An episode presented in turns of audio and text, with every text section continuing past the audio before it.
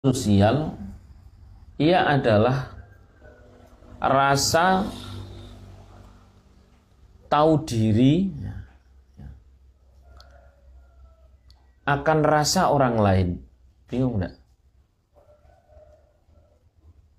Misalkan ada anak SD mau beradab kepada Mas Ari Ramdhani. Itu kan dia harus tahu diri bahwa dirinya masih SD yang dihadapi sudah mahasiswa senior Ari Ramdhani. Maka dia harus tahu diri bagaimana cara bersikap kepada Ari Ramdhani. Paham enggak? Nah, tahu diri terus akhirnya menghasilkan uh, nunduk, hormat, terus kemudian bahasa kromo inggil itu adalah akibat dari ketahuan dirinya. Apa? Kesadaran tentang diri sendiri akan rasa orang lain itu namanya adab. Misalkan Yusuf sama orang tua. Apa yang mendorong sampean beradab kepada orang orang tua? Tahu di tahu diri bahwa diri adalah siapa? anak. Yang kelak kalau jadi orang tua pun pengen dihormati oleh anak.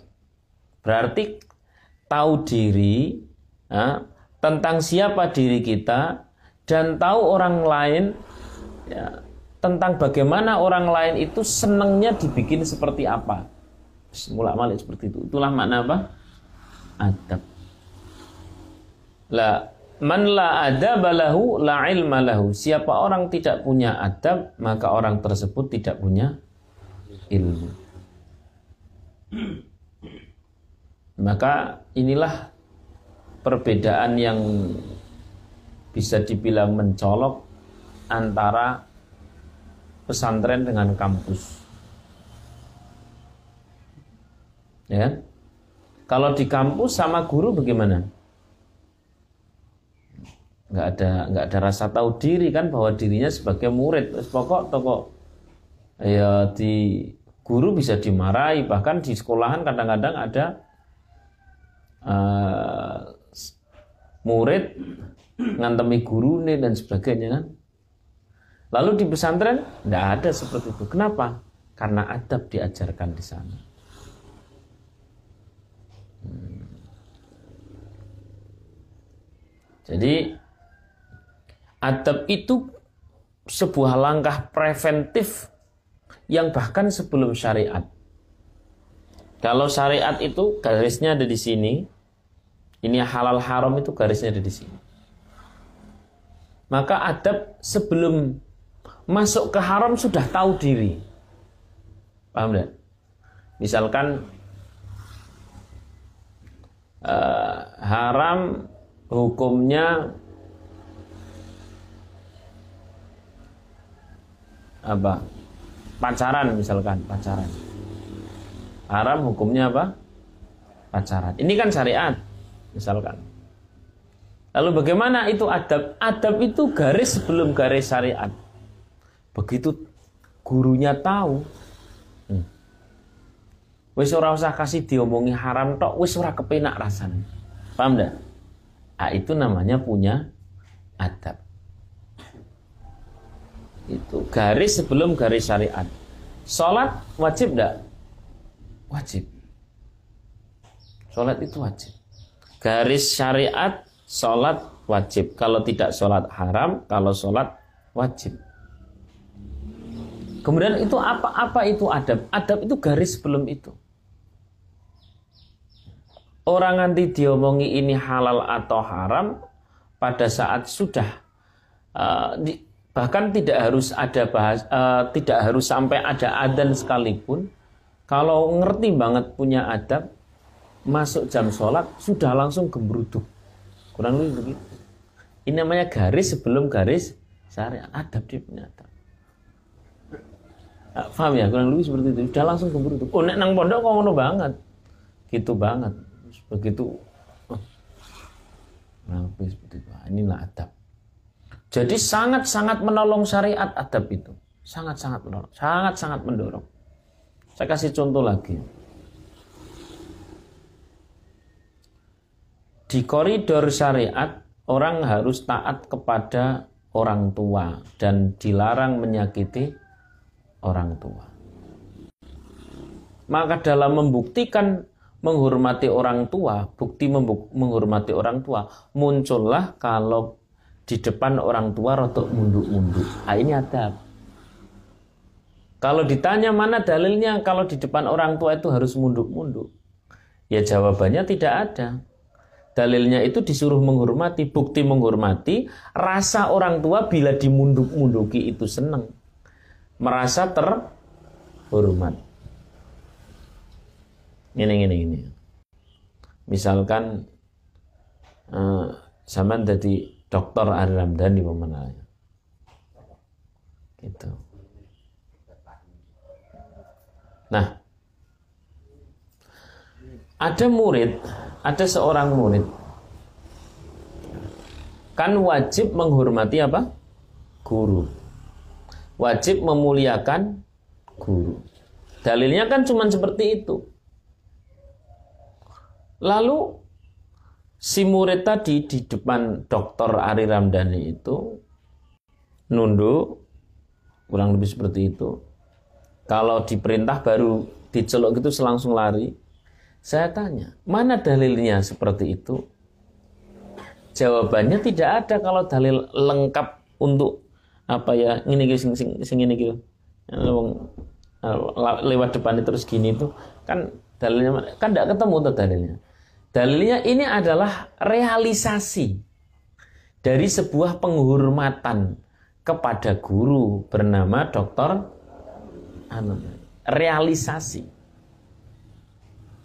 Dari mana realisasi itu muncul? Dari tahu diri bahwa ini murid dan tahu kepada siapa kita sedang menghadap.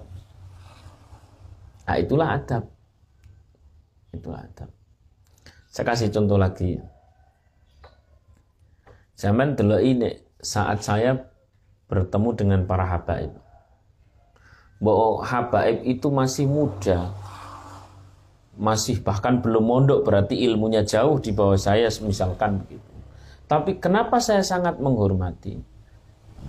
Secara syariat kita disuruh menghormati. Tapi menghormati sing model piye itu sesuai tempatnya. Kalau itu tempatnya di Jawa, ada cara tersendiri menghormati orang tua, menghormati para habaib. Berarti adab itu lebih ke kearifan lokal. Paham tidak? Nang Arab ngonokai sebagai bentuk penghormatan sirai di di unyel-unyel loh. Jajal engko sampean nek ana Habib sapa ini. Terus sirai dingenek-ngenekke. Oh. Beradab? Enggak beradab. Maka adab itu dia uh, representasi apa realisasi dari sebuah syariat yang memahami hukum lokal. Nah, mulai paham kan kurang lebih seperti itu. Contoh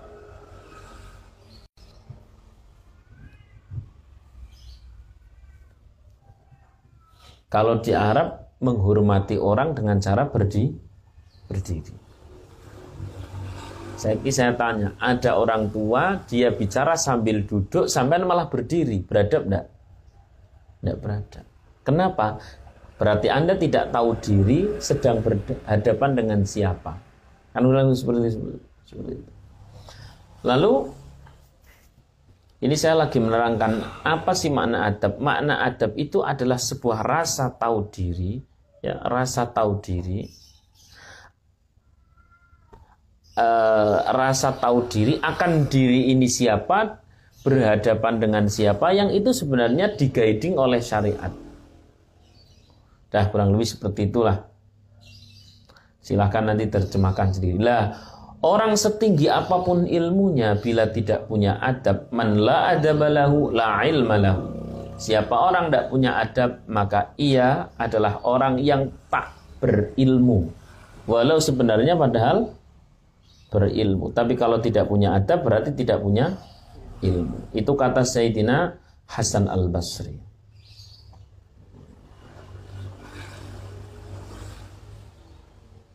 Wis. Waman la sabara lahu ladina lahu dan siapa orang yang tidak memiliki kesabaran maka orang tersebut bagaikan tidak punya agama.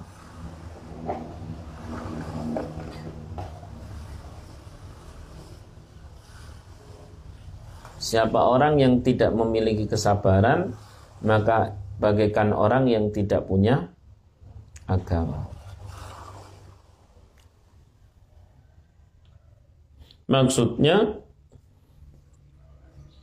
memang di dalam Islam itu intinya adalah perintah sabar. Sabar itu berasal dari lafadz so, ba, ro yang asal kata itu awal-awalnya menurut ulama ahli lughah adalah semacam tanaman yang rasanya pahit namun bila ditelan akan menghasilkan kesehatan, kebugaran, kebaikan. Nah itulah kesabaran. Setiap kali kita menelan sesuatu dengan sabar, maka mungkin rasanya apa? Pahit, tidak enak. Tapi itu menghasilkan kesuksesan. Ya, contohnya sing paling gampang ngaji karo nahan ngantuk. Itu kan rasanya tidak enak tapi kok tetap terus ditelan, tetap terus dijalani, itu pasti menghasilkan kebaikan. Contohnya mana adalah tangi subuh. Wah, tet sing pertama urung tangi, tet kedua urung tangi, tet ketiga dawak bisa urung tangi. Nah, tet. Tet pertama itu kan janjinya ideal tuh sama untuk orang rokaat sebelum subuh kan ideal banget itu sebenarnya. Ideal banget itu. Pas lah pokoknya. Kalau tet sing pertama sampai masih dapat tahajud. Tet kedua dapat dua rakaat lah. Tet ketiga wah Lionis dua dan kabeh sing komat nah, itu itu kan sebuah bangun pagi itu akan adalah perintah agama yang juga membutuhkan kesabaran apa itu kesabaran satu perkara yang bila ditelan itu memang tidak enak, tapi menghasilkan kebaikan, menghasilkan kesuksesan, menghasilkan kesehatan di masa mendatang. Itu namanya apa? Sabar. Nah, bagaimana kalau orang tidak punya sabar? Ya nyaris dia bisa disebut tidak punya agama orang tidak agama. Nahan diri untuk tidak pacaran.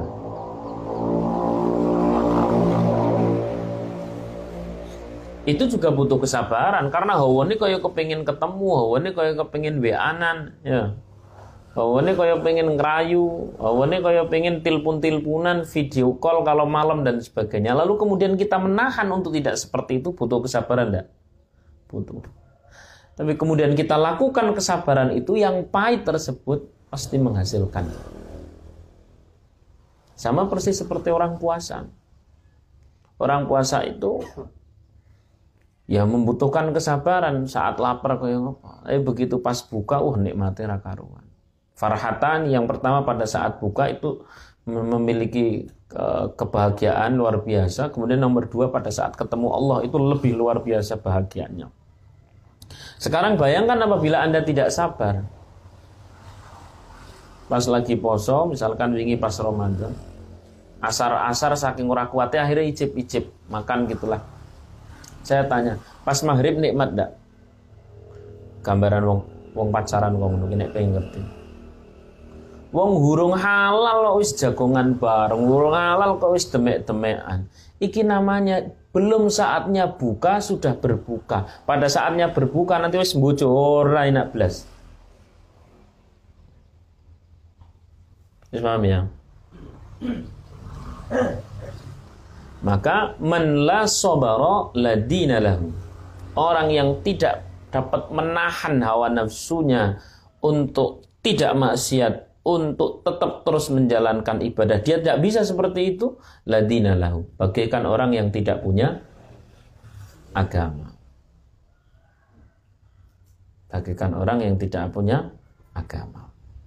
Yes. Sabar itu kan ada tiga Sabar menjalankan taat Sabar meninggalkan maksiat Dan sabar saat terjadi musibah Pada saat terjadi musibah, kemudian kita bersabar, kita telan itu bahwa itu bagian dari takdir Allah, itulah yang terbaik dari Gusti Allah, itulah yang dipilihkan Allah. Ini pasti ada hikmahnya. Ini namanya kita menelan pil kesabaran. Kok bisa ditelan tanpa mengeluh, tanpa menyalahkan sana sini? Pasti hasilnya luar biasa besar. Luar biasa banyak.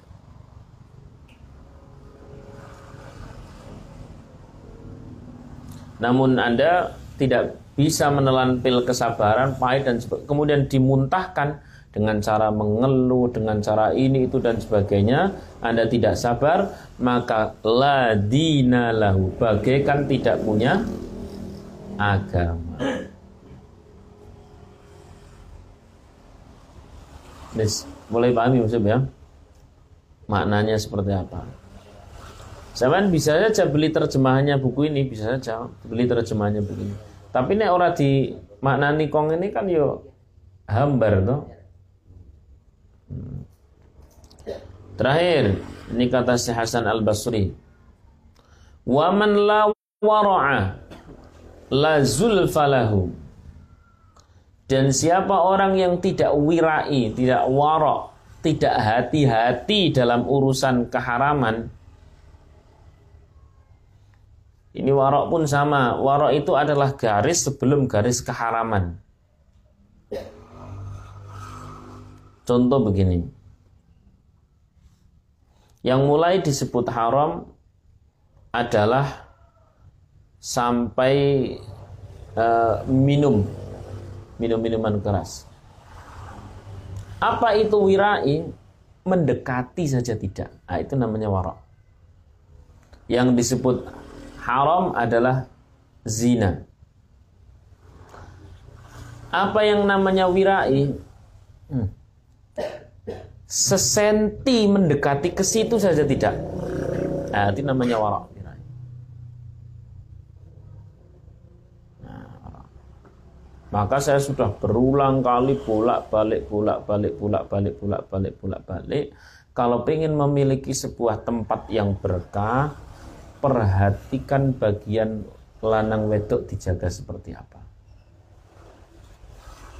Nah, itu makanya kafe ini urung nganti buka wis tutup kan yuk jagongan lanang wedok kan kira ora iso turu. Cabut langsung keberkahan tempat itu. Yes. Rencana dulu. Ada yang mengatakan bahwa al barokah fi uh, Fisuturatin nisa keberkahan itu ada ada pada menyembunyikan wanita. Hmm. sing lanang yo hati-hati sing wedok yo hati-hati ah, itu ke keberkahan. Ayo begitu di sana sudah tidak ada batas wis ngomong wis kaya wong nang jaba lah wis. Di lapangan ya gitu ya. Jadi tidak ada keberkahan. Ya sudah. Berulang kali saya sudah sampaikan akan sampaikan. Sesuatu yang dilakukan oleh suami istri jadi pahala, maka sesuatu itu bila tidak dilakukan oleh suami istri pasti jadi dosa. Pasti jadi dosa. Hatta urusan kecil, kalau bahwa urusan eh, apa berduaan dan sebagainya itu jelas itu jelas. Naik suami istri jadi pahala kalau itu bukan suami istri jadi dosa gitu ya. Bahwa sing apa hasrat seks dan sebagainya itu pasti jelas itu. Suami istri pasti jadi pahala kalau bukan suami istri pasti jadi dosa. Jangankan itu uang hadisnya jelas. Bergurau. Berguraunya suami istri jadi apa? Pahala Berarti diwalik bergurunya, berguraunya bukan suami istri jadi nah ngerti kan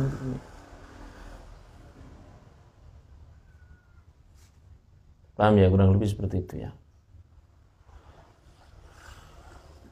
Ya kalau di apa orang lain sih barangkali yang tidak mampu-mampu pondok sih sing penting ora zina sapi lah ya. Tapi ini kan harus bicara tentang wirai Jauh sebelum garis syariat sudah berhati-hati. Preventif itu namanya warak. kehormatan. Lah, man la wara'alahu siapa orang yang tidak menjaga kehormatan seperti ini, tidak punya garis seperti ini, la zulfalahu. Maka tidak ada di dalam dirinya kedekatan kepada Allah. Mbok tiap dino sholat sekalipun gerambiang gerambiang ngalor ngidul ngalor ngidul. La zulfalahu. Ini semua ilmu untuk siapa? Diri sendiri. Kalau orang lain ya kita husnudzon. Misalkan ada orang lain berorganisasi kok cowok cewek jadi siji dan ya sudah lah kita husnudzon mungkin wali kabeh Jadi nek cewek kaya weruh gedek ngono wae wis wali mungkin. Tapi kalau untuk diri, wah kita harus hati-hati. Untuk diri kita harus hati-hati. Kalau untuk orang lain ya sudahlah kita husnudon. Tapi untuk diri harus hati-hati. Siapa orang tidak punya warok, warok itu adalah sebuah langkah preventif sebelum haram. Ya.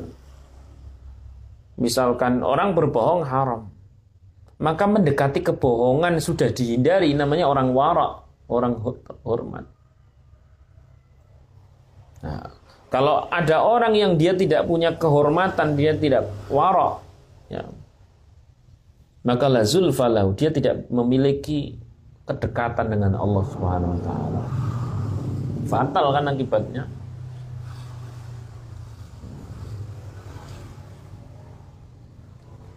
Dari situlah maka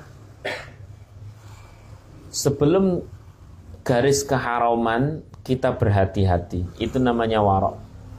Berarti nek diwale kebalikan mafhum mukhalafah dari uh, quote ini, mafhum mukhalafah dari makolahnya Syekh Hasan Al-Basri ini siapa orang yang tidak warok, tidak wirai, dia tidak punya kedekatan dengan Allah. Nek diwalik siapa orang yang sangat wirai berarti dia sangat dekat dengan Allah. Belum sampai garis haram, dia sudah hati-hati. Misal kayak Sayyidina Umar lah ya. Lebih baik aku berjalan di belakang harimau daripada aku berjalan di belakang wanita. Kenapa saking hati-hati ini? Ini dulu melakukan nang buri wong wedok udah. Maksudnya apa? Lebih takut dari dosa dibanding takut dengan harimau. Kata Sayyidina Umar. Mending aku kon gelut karo harimau daripada saya harus gelut karo geni neraka. Kurang lebih ngono. Sayyidina Umar. Itu betul. Nah, itu wirai. Padahal kalau ditanya haram atau tidak, ya ndak wong ya cuman melakukan ini orang apa-apa ya orang apa-apa. Tapi beliau wirai, garis sebelum garis keharaman sudah ada kehati-hatian. Paham ya? Hmm.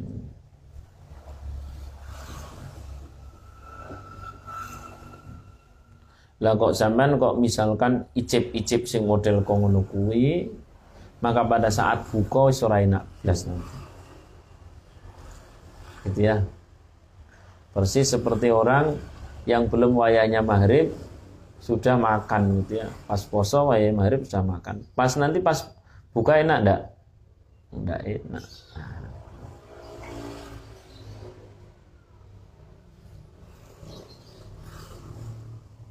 Ini hari ini satu makalah aja dalam banget. Saya ulangi dikit ya dari depan.